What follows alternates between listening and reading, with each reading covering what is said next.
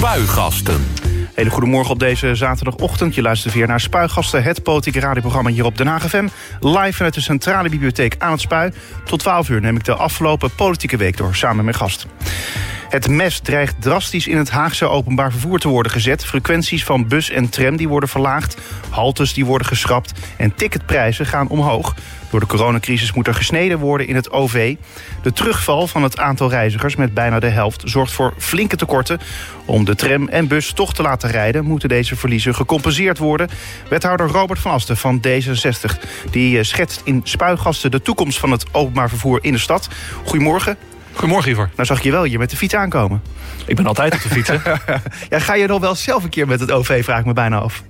Nauwelijks, nauwelijks. Ik ging vaak naar, een, eh, naar de vergaderingen van de metropoolregio in Rotterdam... Uh, met de fiets naar Hollandspoor en dan daar de trein in. Maar ja, die doen we tegenwoordig uh, ook gewoon via de Zoom. Ja, precies. wat was het voor week voor jou? Um, ja, wel een drukke week. Wel weer veel, veel, uh, veel thuis, uiteraard. Uh, dat begint maar langzaam natuurlijk ook al een beetje uh, de keel uit te komen. Um, maar het was ook gelukkig een korte week na het paasreces. En dat is dan altijd wel lekker, zo'n vierdaagse werkweek. Even doorzetten en het is alweer weekend. Ja, hoe heb je de Pasen doorgebracht? Ik heb in, uh, in Zuid-Limburg gezeten. Uh, echt gewoon even lekker twee dagen uh, wandelen daar door, door de heuvels. Gewoon echt even helemaal een keer in een ander gebied wandelen. Want hoe mooi Den Haag ook is, af en toe heb je gewoon even een ander, ander uitzicht nodig. Ja, alle routes door West-Duinpark bijvoorbeeld, die ken je inmiddels al. Die zijn wel uitgesleten, ja. Ja, ja precies. Maar, maar hoe is het voor jou op het moment dat jij dan nou, zo'n even, zo even tijd vrij hebt? is dat dan het moment dat je juist gaat nadenken? Of het is eigenlijk, eigenlijk betere ideeën krijgt voor nou ja, waar het in Den Haag mee naartoe moet? Ja, dat is denk ik uh, voor, voor iedereen wel belangrijk... dat je af en toe even een, uh, een stap achteruit kan zetten... om gewoon eens na te denken wat je, wat je aan het doen bent... wat je, wat je graag nog wil bereiken, wat je uh, hebt meege, meegemaakt... of gewoon nog eens een keer wat rustigs te kunnen lezen. daarvoor zijn juist die, die lange weekenden en af en toe een vakantieweek... ook gewoon heel belangrijk. Het geeft je aan de ene kant de energie... en aan de andere kant weer volop inspiratie. Ja, en denk je dan vooral na eigenlijk over... nou ja, het is nog een jaar tot aan de gemeenteraadsverkiezingen dan denk je daar natuurlijk ook over na van wil ik nog door of niet? Ja, zeker. Dat is natuurlijk, uh, we zien dat met rassenschreden komen. We hebben net de Tweede Kamerverkiezingen gehad. Dus dan uh, voel je dat campagnebloed nog, uh, nog stromen. En dan weet je dat in maart volgend jaar de gemeenteraadsverkiezingen er wel weer zijn. En ja, daar wil ik graag een, weer een grote rol in spelen voor mijn partij D66. Ja, want je hebt je deze zaterdag ook ja, gekandideerd hè, als, als lijsttrekker. En verwacht je nog concurrentie dat er nog aankomt, nu jij dit dan hebt bekendgemaakt? Ja, de, geen idee. Dat is natuurlijk de grote vraag. Wat, hoe, die, procedure is. Ik moet nu eigenlijk 50 handtekeningen van Haagse D66-leden verzamelen. Die vinden van, ja, Van Asten, die mag uh, lijsttrekker worden uh, wat ons betreft. En dan gaat de, en dan weten we op 3 mei of er ook een tegenkandidaat is.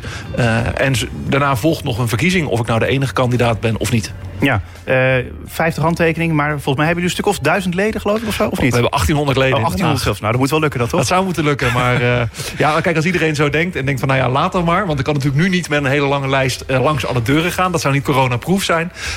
Dus ja, mensen moeten wel even moeite doen om mij die handtekening te sturen. Maar ik heb er inmiddels sinds vanochtend dat ik wat mails heb verstuurd, heb ik er ook alweer een heleboel binnen. Dus ik denk dat het wel gaat lukken. Mooi zo.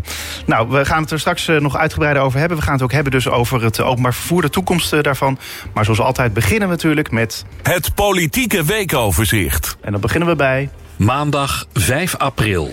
De eerste uitdager van Kadisha Ariep die heeft zich gemeld. PVV'er Martin Bosma die stelt zich kandidaat voor het Kamervoorzitterschap.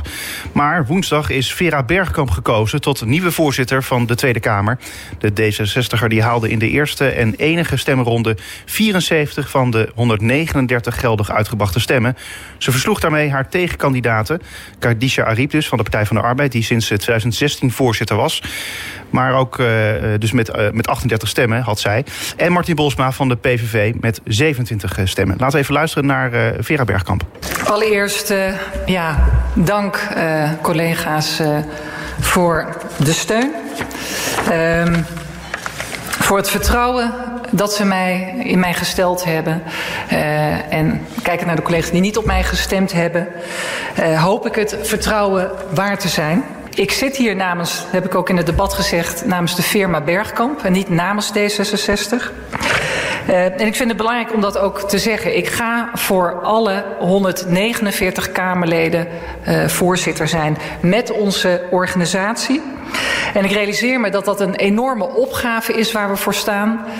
Uh, In het debatnet is ook aangegeven wat die opgaven zijn. Als we kijken naar de toeslagenaffaire, de uitvoeringsorganisatie, de verhuizing, het feit dat we hier met 17 fracties zijn in een coronatijd. Dus het is een enorme uitdaging, wat ik heel graag met u allen wil doen, met de ambtelijke organisatie.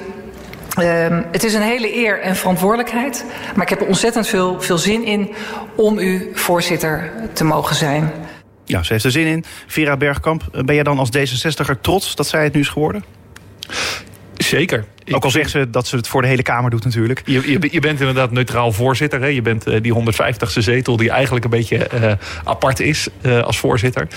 Nou, ik vind het heel mooi dat, dat Vera die kans heeft gekregen om Kamervoorzitter te zijn. Ze, heeft, ze is al lang Kamerlid, dus ze weet hoe het werkt. En dat dat belangrijk is voor een voorzitter. Als voormalig voorzitter van het COC Nederland weet ze natuurlijk ook wel hoe het is... om met heel veel verschillende stemmen en belangen om te gaan. Dus ik denk dat ze die ervaring meeneemt in het Kamervoorzitterschap. Ja, vind je het stiekem ook wel weer jammer dat Kadisha Ariep dan uh, nu geen Kamervoorzitter meer is? Ja, ik vind dat een, uh, ook een fantastische vrouw. Als je, als je haar, we hebben natuurlijk haar ook heel vaak gezien uh, afgelopen tijd in, uh, in debatten. Ze heeft er echt een aparte stijl. Ze neemt ook een stelling om het debat goed te leiden, om het keurig te houden. Dus ik hoop dat Vera dat in ieder geval van, haar, van haar overneemt. En gelukkig zijn mevrouw Ariep ook niet kwijt. Die blijft gewoon in de Kamer. Dus ik hoop dat ze het daar ook fantastisch doet. Dinsdag 6 april. Een ruime meerderheid van de Tweede Kamer die heeft ingestemd met het voorstel van D66 om Herman Tjenk Willink te benoemen tot informateur. Alleen de PVV, Forum voor Democratie en de Boer-Burgerbeweging die stemden tegen. De nieuwe informateur die krijgt drie weken de tijd om de formatie weer vlot te trekken. Afgesproken is dat als hij met zijn eindverslag komt... ook de verslagen van de gesprekken met de fractievoorzitters openbaar worden. Een dag later sprak hij dus tot de pers. Een dichtgetimmerd regeerakkoord blokkeert de uh, politieke debat, zet de oppositie inhoudelijk buitenspel en hindert de tegenmacht. En de vraag is dus, hoe bereik je zo'n ander soort regeerakkoord? Want regeerakkoorden zijn tot nu toe niet voor niets altijd zo uitgebreid geweest. Ondanks het feit dat iedereen zei, het moet eigenlijk kort uh, en uh, minder dik en minder regels. En alle oorzaken die leiden tot een dik regeerakkoord zijn allemaal aanwezig. Fragmentatie, meerdere partijen. Uh, en uh, ja, uh, je moet een zeker, zeker stabiliteit hebben. Die zijn dus allemaal aanwezig. En niettemin, zeggen we, want de wens is een andere bestuurstijl en meer deodisme. Er moet iets anders. Nou, Jake Willink die zegt dus dat partijen die een regering willen vormen... dit keer of af moeten zien eigenlijk van een dichtgetimmerd regeerakkoord. Uh, ben je het daarmee eens? Ik zou dat, wel, uh, zou dat wel toejuichen, want het geeft daadwerkelijk ruimte aan iedere partij om wat meer eigen gezicht te laten zien, wat eigen kleur te laten zien. Ja, tegelijkertijd uh, wil je als je een regering vormt natuurlijk ook wel een beetje zekerheid hebben van de punten die je als partij hebt ingebracht belangrijk vindt, dat die dan ook wel worden gesteund. En ja, dan zijn er gewoon meerderheden in de Kamer te zien. Hè. Er wordt altijd gesproken over dat er nu een rechtse meerderheid is. Ja, als je dus nu voor een, uh, een vluchtelingendeal zou zijn... Ja, dan zou dat automatisch in de Kamer sneuvelen. Maar ja, dus je gaat belangen tegen elkaar afwegen. Dus ja, maar vluchtelingendeal is dan wel iets heel groots natuurlijk. Kijk, ik denk dat we het vooral moeten kijken ook nog naar, uh, naar de wat kleinere onderwerpen. Hè. Dus bij wijze van spreken een miljoentje hier naartoe... of een miljoentje of zelfs een paar ton uh, naar, naar, naar een bepaald iets of een ja, instelling. En volgens mij in de Tweede Kamer gaat het niet over een Nee. paar ton... gaat het gelijk over de hele grote bedragen. Maar je zou grote lijnen moeten afspreken... over Ja. dat je bijvoorbeeld de energietransitie... dat je die echt stevig ter hand neemt. Dat je daar hele duidelijke doelen bij stelt. En vervolgens ga je het met de Kamer hebben over... oké, welke maatregelen moeten we dan nemen... om wel tot dat aantal te komen. Dat zal nog wel dan heel lastig zijn, want ja, iedereen vindt dan wel wat anders. Maar als je bijvoorbeeld zegt van we moeten een eh, 50% reductie ergens gaan eh, realiseren op uitstoot. Ja, hoe je er komt, dat maakt dan niet uit. Maar dat is dan het doel waarin de handtekeningen zijn gezet. Juist. Uh, maar als je kijkt even de, de ja, ik noemde net even een paar ton of een miljoentje, dan, dan denk ik inderdaad eerder aan bijvoorbeeld het stadhuis. Als ik daar naar het coalitieakkoord kijk, dan zie je wel dat dat soort kleine uh, ja, afspraken, om maar zo even te noemen. Uh, als je die afzet tegen de wat grotere uh, verhalen, hè, zoals bijvoorbeeld Amare, waar natuurlijk veel meer geld naartoe gaat, of een Rotterdamse baan. Weet je, echt grote projecten. ik kan me dan wel voorstellen dat, dat, dat, je, dat je daar eigenlijk, dus ook op lokaal niveau, zou je eigenlijk ook meer naar een wat minder dichtgetimmerd akkoord moeten, toch? Of zie je dat anders? Nee, ik denk dat dat, eh, dat, dat echt wel, wel wenselijk is. Ook voor, voor komende verkiezingen. want ook dan zullen er weer een heleboel partijen hier ook ongetwijfeld in de Haagse Raad meedoen. En in, in de Haagse Raad komen. Nou, die stemmen moet je dan ook echt, moet je ook echt de ruimte geven. Ehm, maar ja, weet je, op een gegeven moment begin je natuurlijk ook ergens met, met een detail op te nemen. Ja, en dan trekt iedereen eventjes zijn, zijn boekje erbij. maar ik zou het mooi vinden om met die stelling wel, wel de verkiezingen in te gaan. En onszelf uitdagen van oké, dan echt op hoofdlijnen. Maar dan is het ook echt op hoofdlijnen. En dan doen we het debat samen met de Raad. Maar denk je dat andere partijen die... Nou ja, we weten waarschijnlijk wel wie de lijsttrekkers eh, worden. Dus wie jouw opponenten worden. Denk je dat die daar ook wat voor zullen voelen? Die dus straks aan die onderhandelingstafel mogelijk zitten met jou? Het is nog ver weg hoor. Ik denk het wel. Ik denk, ja, wat, wat kan je daar in wezen op tegen hebben? Kijk, het is wel belangrijk dat je, dat je ook zegt... Van, als ik de verantwoordelijkheid neem om in een uh, coalitie te stappen... Uh, en dus verantwoordelijkheid voor het bestuur daarin neem dan is dat ook wel, zeker als je een wat kleinere partij bent... dan, dan willen we wel comfort hebben dat daar wel een aantal punten van ons... dus ook gerealiseerd kunnen worden. En dat het niet allemaal wordt weggestemd in, uh, in de Raad. Ondanks dat, uh, dat, omdat we daar maar klein zijn. Uh, dat soort zekerheden moet je wel met elkaar afspreken. Dat zit hem ook deels in, in vertrouwen naar elkaar uitspreken. maar zelfs daarmee kan je dan nog steeds op hoofdlijnen een akkoord sluiten. Ja, of anders in elk geval, Hermantje, ik wil ik even vragen... of hij een soort hoorcollege wil geven aan jullie... voordat jullie allemaal gaan onderhandelen, toch? Dat zou absoluut zeer welkom zijn. Sowieso uh, dat, soort, uh, dat soort mensen met statuur, uh, die kunnen ons altijd wat leren. Woensdag 7 april. Het kabinet werkt aan een plan waarin de terrassen en winkels vanaf 21 april open zouden kunnen. Ook de avondklok die zou op die datum geschrapt kunnen worden. De versoepelingen die hangen wel af van de ontwikkeling van het aantal besmettingen. Het besmettingscijfer dat de afgelopen dagen daalt, mag de komende tijd niet weer te veel omhoog gaan. Het is wel weer wat perspectief zo, hè? Absoluut. Ik zou ook uh, het heel erg toejuichen op het moment dat we van die maatregelen af kunnen. Maar zoals je het net inderdaad al voorleest, daar komt dan altijd gelijk het zinnetje erbij. Het aantal besmettingen moet dat wel toelaten. En uh, nou, het neemt af. Nou, volgens mij, eh, volgens mij zijn we in ieder geval weer gestabiliseerd op die, op die meer dan 7000. Het is nog steeds veel. Dat is een hoop hoor. Dat is echt een hoop. En als we dan zien dat eigenlijk die ziekenhuizen ook nog allemaal vol liggen. Ja, dan ben ik wel een beetje bang van ja, wat is dan wel mogelijk? Tegelijkertijd zie ik heel goed dat uh, uh, terrashouders uh, nu echt wel zoiets hebben. Ja, jongens, uh, als het een beetje mooi weer is, dan ligt iedereen hutje-mutje uh, in het park of op een plein.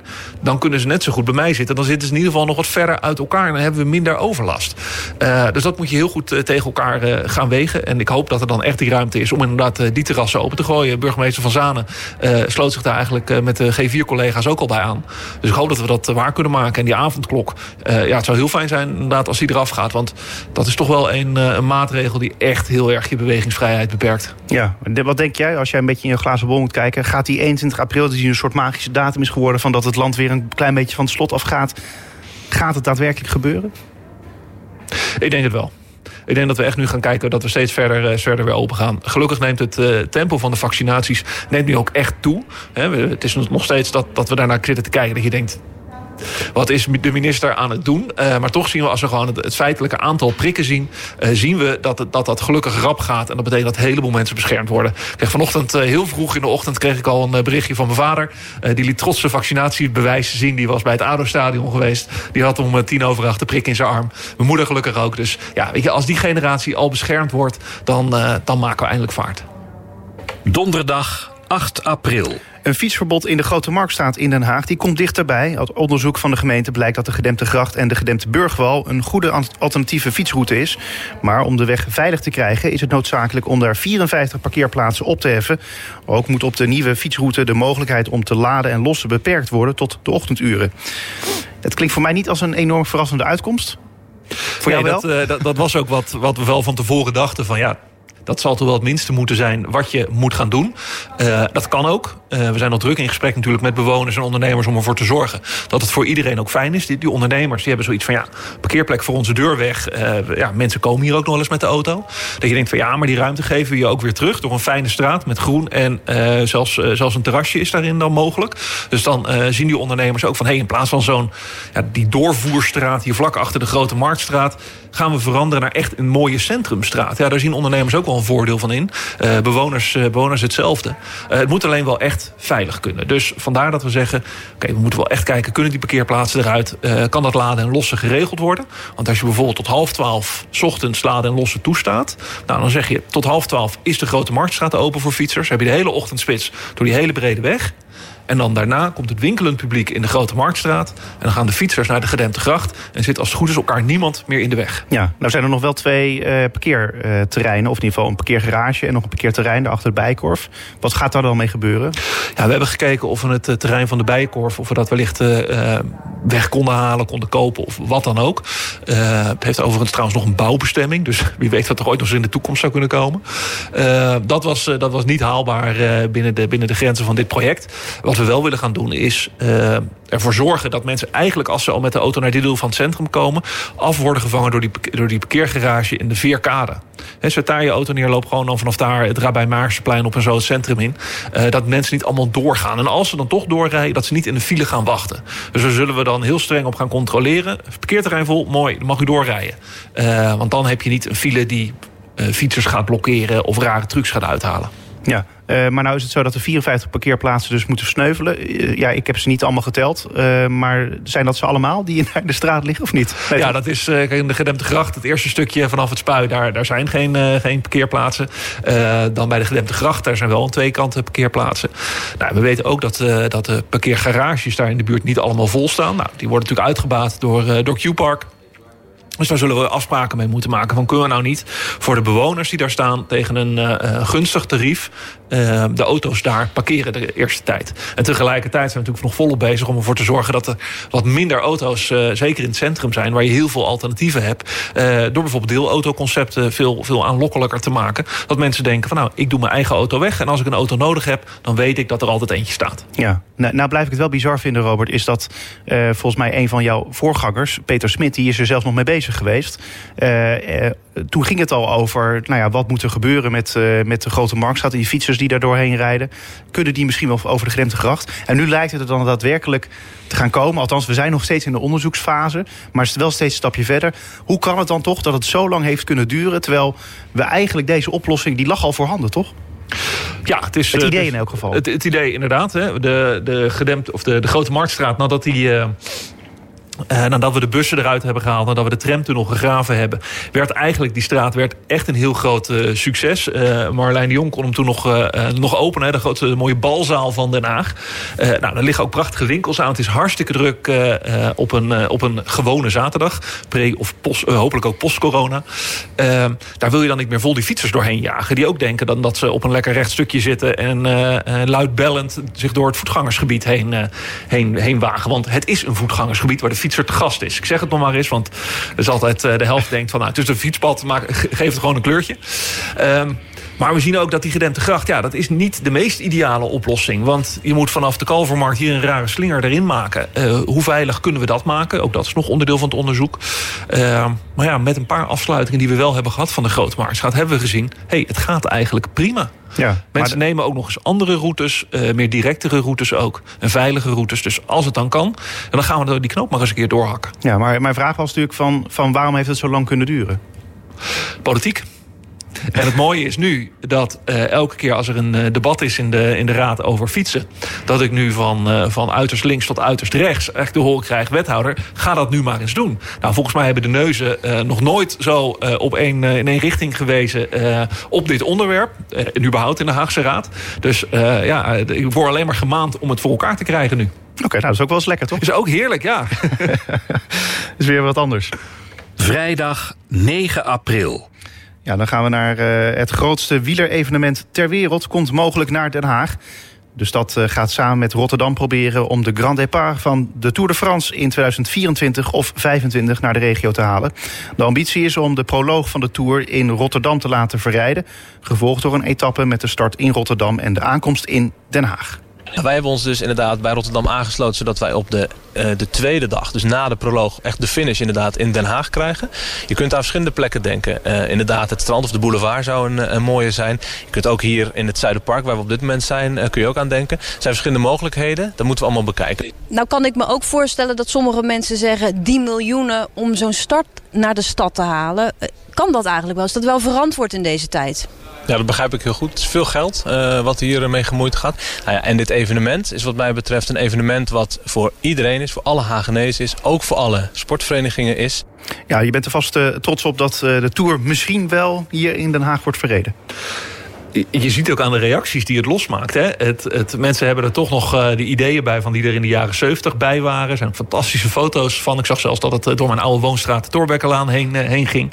En de Tour heeft, heeft echt, is, echt buiten categorie. Als je dat naar je stad kan halen... Zeker als je dat dan samen doet met Rotterdam, dan heb je gewoon een heel sterk bod. En waar het om gaat is, en daarom vind ik het fijn dat het, het gaat over 2024 of 2025. Je hebt dus nog jaren om er naartoe te gaan leven. Dat betekent dat je nu de hele stad uh, erbij kan gaan betrekken. Dat je heel veel jongeren uh, met fietsen kan, kan gaan leren kennismaken. Hè, recreatief fietsen of sportfietsen. Wie weet wat voor talenten er bijvoorbeeld in Zuidwest zitten... Uh, die over, over tien jaar wellicht wel de Tour de France gaan winnen voor ons. dat zou echt geweldig zijn. En ik denk dat een stad dat af en toe ook nodig heeft. Dat je echt trots kan zijn op een evenement... waar de hele stad jarenlang naar heeft toegeleefd uh, en, zich voor, en, en zich mee verbonden kan voelen op wat voor evenement dan ook. Ja. Nou heeft Lot van Bree, collega, heeft wel een punt. Hè, van het gaat 7 miljoen kosten. Dat is niet niks. Dat is absoluut niet niks. Uh, dat is wel iets waar we de komende jaren natuurlijk uh, voor kunnen sparen. Uh, dus niet dat je het ook in één keer op tafel hoeft te leggen. dus dan heb je het in ieder geval stukjes opgedeeld. Dan is het nog steeds een heleboel geld. en daarom moet je goed duidelijk kunnen maken... oké, wat gaan we dan nog allemaal eromheen doen? Tot waar moet het aan bijdragen? En als we zien dat bijvoorbeeld in, in, in de wijken van Zuidwest... mensen gemiddeld uh, eerder doodgaan dat ze een slechtere gezondheid hebben. Nou, kunnen we dan niet zo'n groot sportevenement gebruiken om juist gezondheid en bewegen daar te gaan promoten? Zo voor dat iedereen daardoor in dat hele stadsdeel, 100.000 man, wat gezonder gaat leven. En dat we daarmee dus heel veel mensen meer kwaliteit geven. Is dan die 7 miljoen, is dat dan nog veel geld? Of is het een hele goede investering? Ja, maar de Tour de France moet dan natuurlijk ook wel ja, uh, uiteindelijk door Zuidwest heen rijden. Want ik bedoel, het is, het is allemaal leuk en aardig als we dat naar Den Haag uh, toe halen. Maar Zuidwest moet er dan ook wat van merken fysiek. Toch? Ja, dus, nee, het zou... dus ze moeten ook over de Meppel wegrijden, over de Eskamplaan. Het zou geweldig zijn. Ik, uh, ik zie nog wel een kleine, een kleine bonificatiesprint daar, uh, daar ergens op de Leijweg uh, plaatsvinden. maar het gaat mij er dus meer om... Kijk, dat is, dat is één dag een prachtig evenement. Hè? Een dag ervoor, dag erna. Nou, maar wel iets wat mensen nooit zullen vergeten. Absoluut. Maar het gaat mij erom van... kunnen we in die jaren er naartoe ervoor zorgen dat we echt... de gezondheid van mensen daarmee kunnen gaan verbeteren. Dus we echt gaan uitdagen, ga ook weer sporten. En volgens mij liggen daar echt waanzinnig veel kansen. En ik denk dat dat de kracht is waarom we dit zouden moeten doen. Zaterdag 10 april. Robert van die wil bij de gemeenteraadsverkiezingen volgend jaar... de kandidatenlijst voor D66, D66 uh, wederom aanvoeren als lijsttrekker. Het zou de tweede keer zijn dat hij de kar trekt. Van Asten maakte zijn kandidatuur zaterdag bekend, vandaag dus. Waarom eigenlijk? Waarom vandaag of waarom kandidaat? waarom kandidaat? waarom kandidaat? Ik heb dat uh, in, in uh, vier jaar geleden ook met, uh, met veel plezier gedaan. Nadat ik vier jaar in de raad heb gezeten. Um, en de afgelopen acht jaar dat ik dus nu met, in de gemeenteraad en, en, het, en het bestuur zit... heb ik gemerkt wat deze stad allemaal nog meer nodig heeft. Hoe je de stad kan gaan verbeteren. En juist met dat verhaal wil ik nu in 2022 dat naar de stad toe gaan brengen... om daarmee de stad nog meer te kunnen helpen. Ja. Maar wat wordt jouw verhaal? Kijk, als eerste, het is natuurlijk niet verrassend. Uh, uh, ik ben nu wethouder mobiliteit en ik vind het meest belangrijke van mobiliteit is dat je daarmee mensen uh, de ruimte geeft om, uh, om uh, goed werk te kunnen vinden, om goed naar school te kunnen gaan. Maar het geeft ook aan van als je dat goed organiseert, zorg je dat je de straten weer echt terug kan geven aan de mensen. We hebben het nu eigenlijk de hele stad accepteren we dat de auto overal staat en overal rijdt. Als je nu op een zaterdag een gemiddeld speelterreintje ziet uh, in een drukke straat dan zie je dat op een kleine postzegel weet ik hoeveel kinderen spelen. En waarom accepteren we dat? Dat dat de enige ruimte is voor kinderen om veilig te spelen. Ik zou dat om willen draaien. Eigenlijk zou die hele straat geschikt moeten zijn voor kinderen om veilig te spelen. En dat is wat we volgens mij moeten gaan realiseren. Daarom ben ik nu met mobiliteit bezig en dat wil ik de komende vier jaar ook doen. Ja, maar jouw verhaal was vier jaar geleden nog. Het verbinden van de verschillende wijken van Den Haag. Als een van de grootste opdrachten eigenlijk voor dat, dat college waar je nu in zit. Uh, en nu zijn, we nog, zijn er nog te veel eilandjes, zei je toen. Zo moeten we mensen uit de Schilderswijk echt de stad intrekken. Bijvoorbeeld door de jongeren uit de wijk te laten coachen... door jongeren uit andere wijken. Nu hoor ik wel een ander verhaal. Nee, dat is namelijk pas deel 1 van mijn verhaal. Uh, ik heb drie punten namelijk. Hè. De stad teruggeven en de straat teruggeven aan de mensen. Tweede is, hoe kan je nou zorgen dat mensen weer echt gelijke kansen gaan krijgen? En als wethouder van de bibliotheek nu heb ik ook gezien... dat wist ik natuurlijk al lang... wat is de kracht van zo'n bibliotheek? Hoe kan een, een bibliotheek in een wijk nou echt ervoor zorgen zodat iedereen daar betere kansen krijgt. Zijn nou net Bouwlust hebben we net, ge, net geopend. In het, in het gebouw samen met een welzijnsorganisatie. Dat gaat zo'n ongelofelijke kracht worden. Waar mensen voor alles terecht kunnen. Of ze nou problemen hebben met uh, post die ze van de overheid krijgen. Uh, of ze uh, een cursus willen gaan volgen omdat ze beter werk willen gaan krijgen. Of dat ze taalles willen gaan, gaan krijgen. Of jongeren een plek geven om gewoon goed te kunnen gaan studeren. Zodat ze die betere kans krijgen. Nou, dat zien we dus nu in Bouwlust gebeuren. Ik wil dat dadelijk ook in Moerwijk gaan starten. Ik wil eigenlijk dat de bibliotheek in Laakkwartier een heel ander pand gaat krijgen. Een veel groter pand. Want ook daar is dat ongelooflijk nodig. En dan hebben we eigenlijk ook nog dat we in Benoordenhout een witte, witte vlek hebben. Een heel ander type wijk. Maar juist ook daar kan de bibliotheek een meerwaarde geven. Dus de bibliotheek wil ik echt centraal zetten voor de ontwikkeling van wijken. En dan tot slot, ik noemde, we raakten het net al aan. Want we hadden het over de Tour de France. Uh, ik had al opgeschreven, het moet gaan over de gezondheid van mensen. Daar zit een enorme kloof in tegenwoordig. Hoe accepteren we dat mensen zoveel jaar eerder doodgaan? En vooral de laatste jaren van hun leven in hele slechte gezondheid leven. Ook dat weerhoudt je van om mee te doen aan de samenleving. Als we dat kunnen gaan veranderen, door gewoon te investeren in die wijken, in bewegen, in gezonde voeding, in mensen echt meenemen en helpen om goed uh, en gezond te gaan leven. Mensen weten, hebben vaak nu die keuze niet. Omdat ze het geld er niet voor hebben. Omdat ze de kennis er niet voor hebben. En vooral omdat we ze er niet bij helpen. Dus die uitgestoken hand moet nu echt die wijken naartoe gaan. Mooi. Nou, we, we gaan het zien uh, wat het wordt. Je, je, bent nu in elk geval de enige kandidaat voor, uh, als lijsttrekker van, uh, van D66. meer nieuws vind je op onze website trouwens. denhaagfm.nl Spuigasten. 100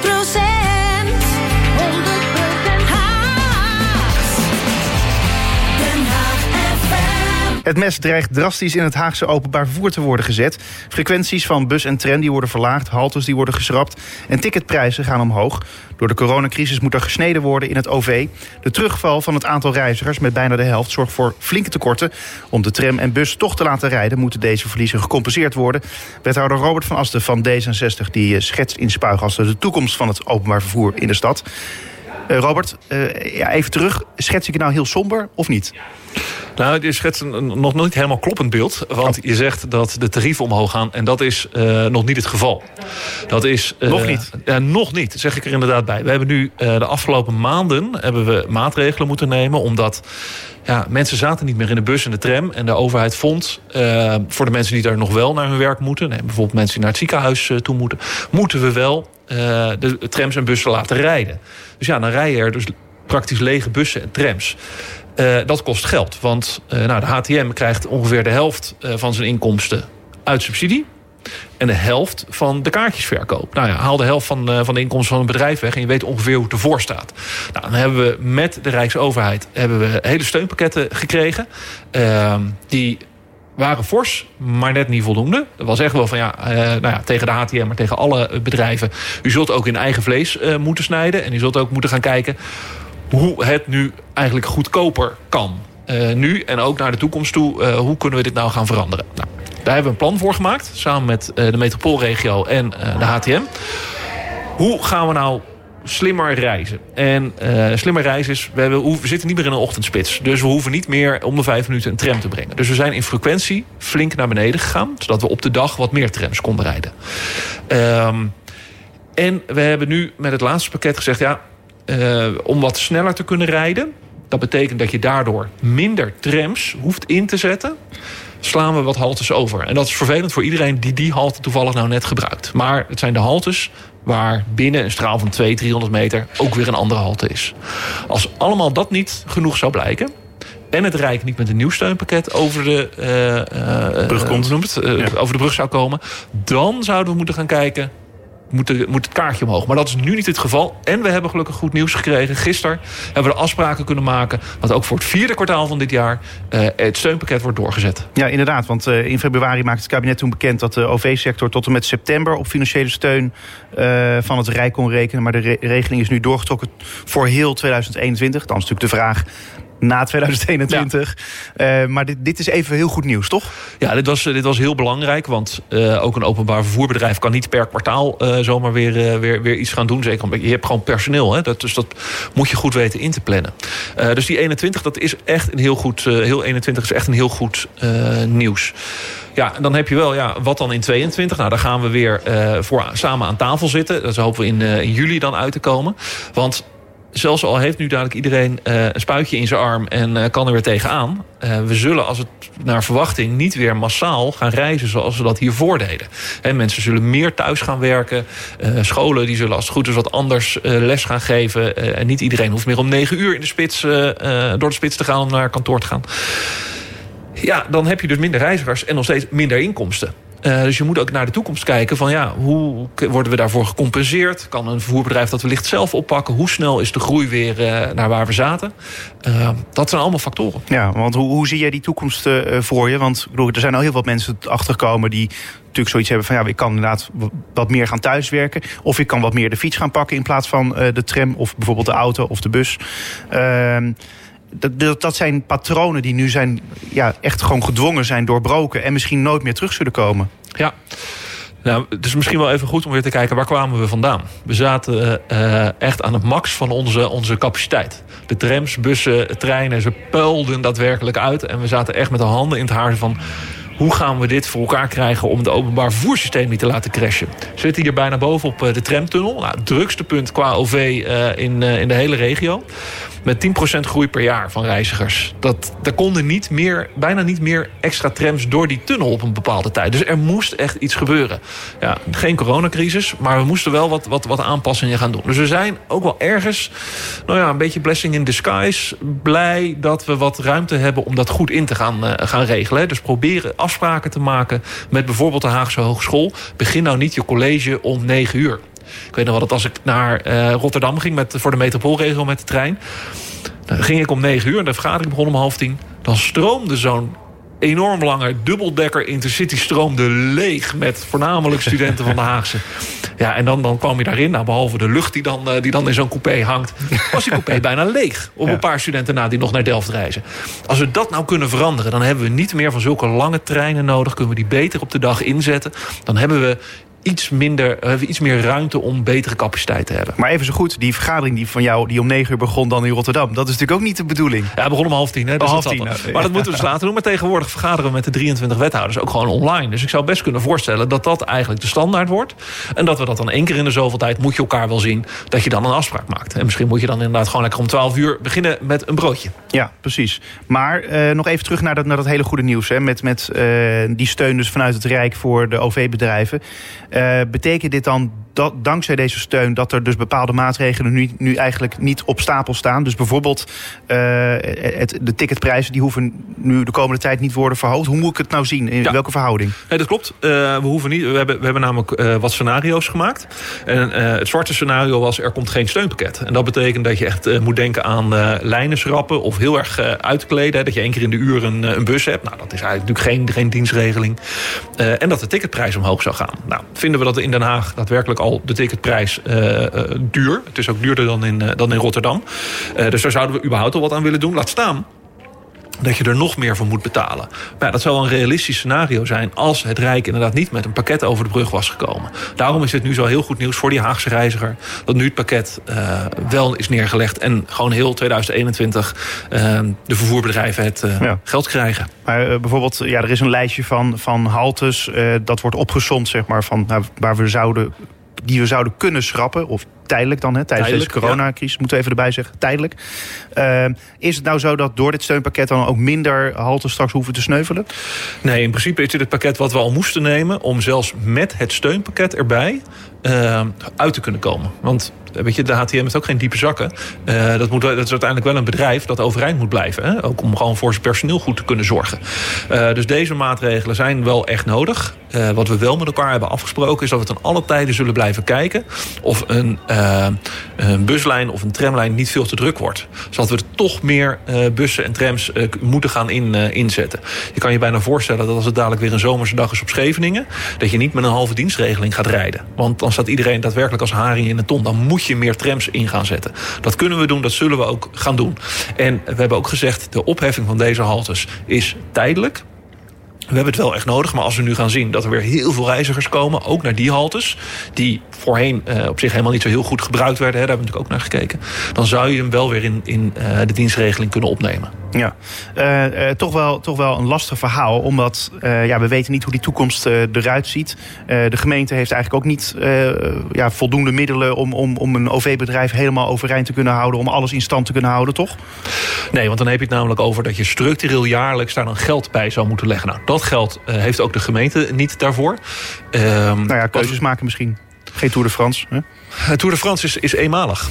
En uh, uh, dit bijleggen bij een OV-bedrijf is, is jaarlijks. Uh, en dat is altijd het lastigste geld om te vinden, het structurele geld. En dat hoeft volgens mij ook niet. want we hebben hier een heel krachtig openbaar vervoerbedrijf en krachtig netwerk. Het gaat er alleen om dat dadelijk de reizigers er weer in komen. En dat is dezelfde reden waarom we wel blijven investeren, juist in dat netwerk. Om ervoor te zorgen dat dadelijk weer nieuwe trams zijn met meer ruimte voor passagiers.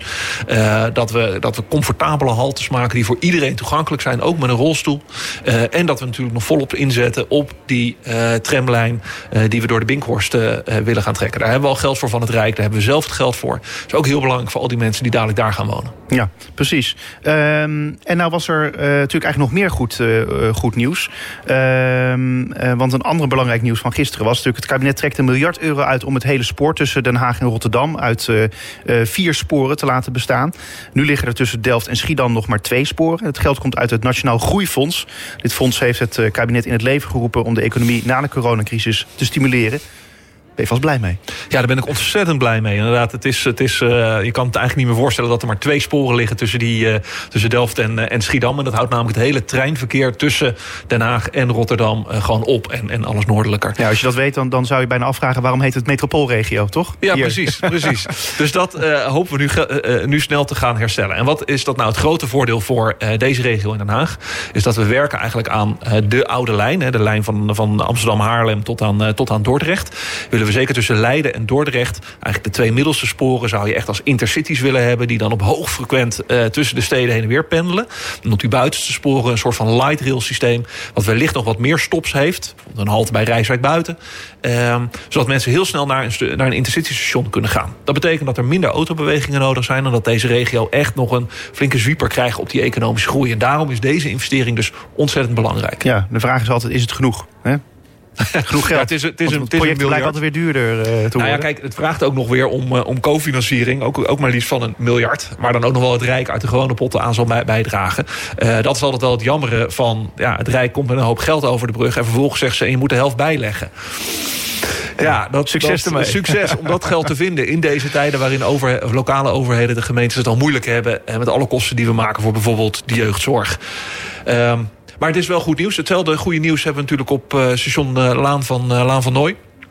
Uh, daar lopen de, de Randstadrailsporen en de, en de sporen voor de E-lijn, uh, de Erasmuslijn naar Rotterdam, uh, die houden elkaar daar een beetje tegen. De Erasmuslijn is echt zo'n metrostel, dat is hoger dan onze Randstadrail.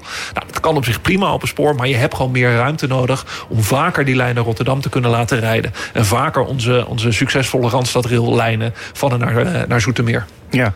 Uh, is het ook nog een idee van, als we even schetsen naar de komende jaren, uh, meer onder de grond? Want ik je ziet nu natuurlijk ook wel dat, ja, als we hier alleen al naar het spuik kijken, dan zitten natuurlijk fietsers en, en trams en bussen elkaar nog in de weg. En soms ook nog wat autoverkeer wat je doorheen rijdt. om te laden en los natuurlijk, om wel te verstaan. Ehm, scooters zie ik nu ook voorbij. nou, zo kunnen we even doorgaan. Voetgangers. Ehm, is die, wordt die keuze nog gemaakt de komende jaren van om meer onder de grond te laten gaan? Onder de grond is sowieso altijd een hele dure optie. Hè? Uh, dus je moet altijd kijken van is het, uh, is het het ook echt daadwerkelijk waard. Denk als we naar de Leijenburg-corridor uh, kijken... dus hè, om Zuidwest veel beter te ontsluiten... Nou, die start eigenlijk hier in de tramtunnel. dus daar is wel degelijk de optie. We moeten die tramtunnel moeten we een heel eind doortrekken. Want ja, het is zo druk met andere, andere vervoersbewegingen. Dat is de beste optie. Dus zeker voor die Leijenburg-corridor denken we echt onder de grond. Oké.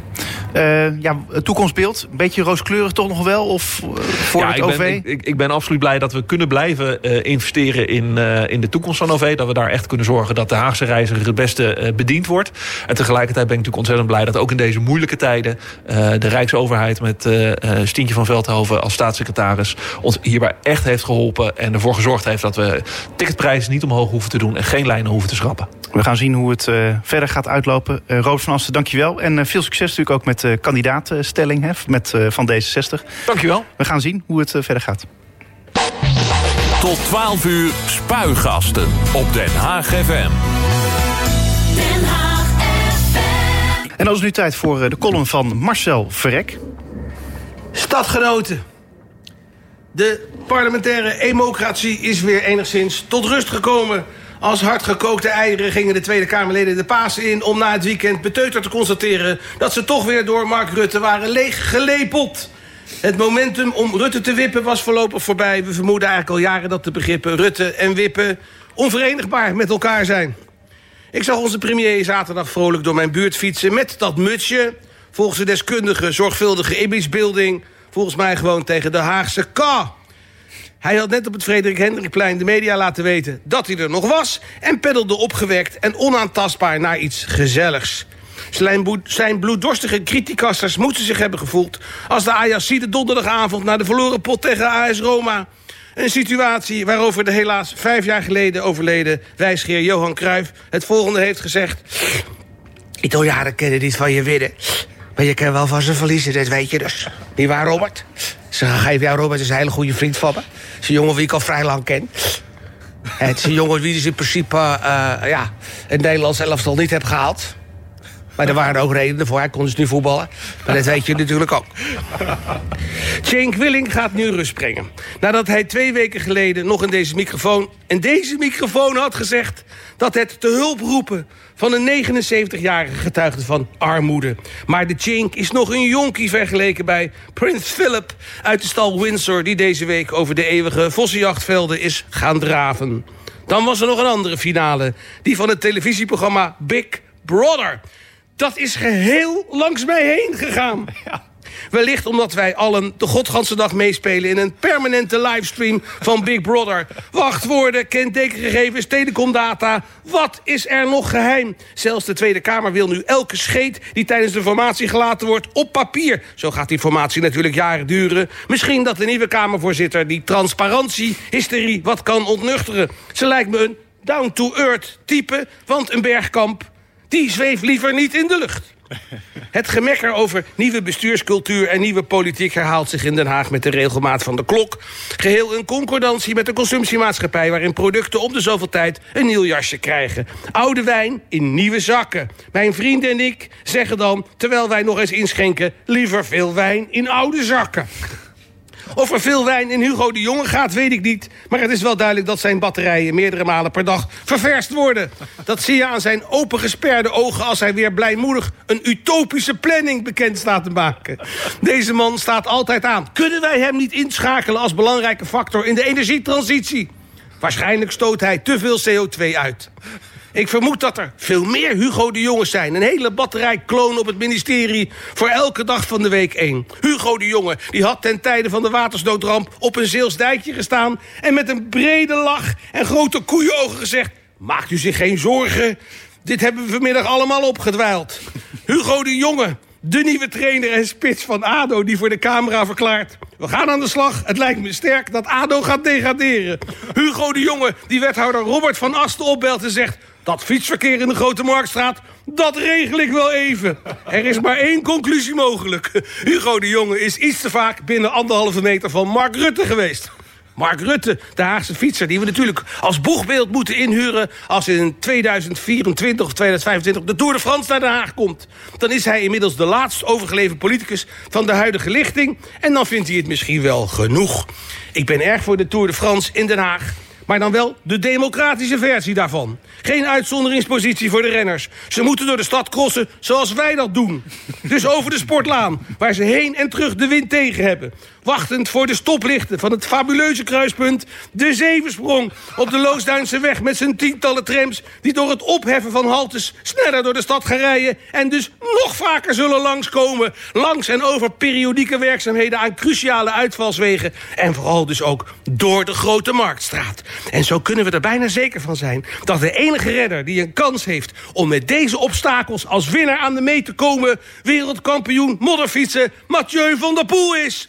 je haags, geniet van het goede, hou nog even vol en tot snel. Marcel Verrek, dankjewel. Bedankt voor het luisteren naar Spuigas voor deze week. Tot volgende week.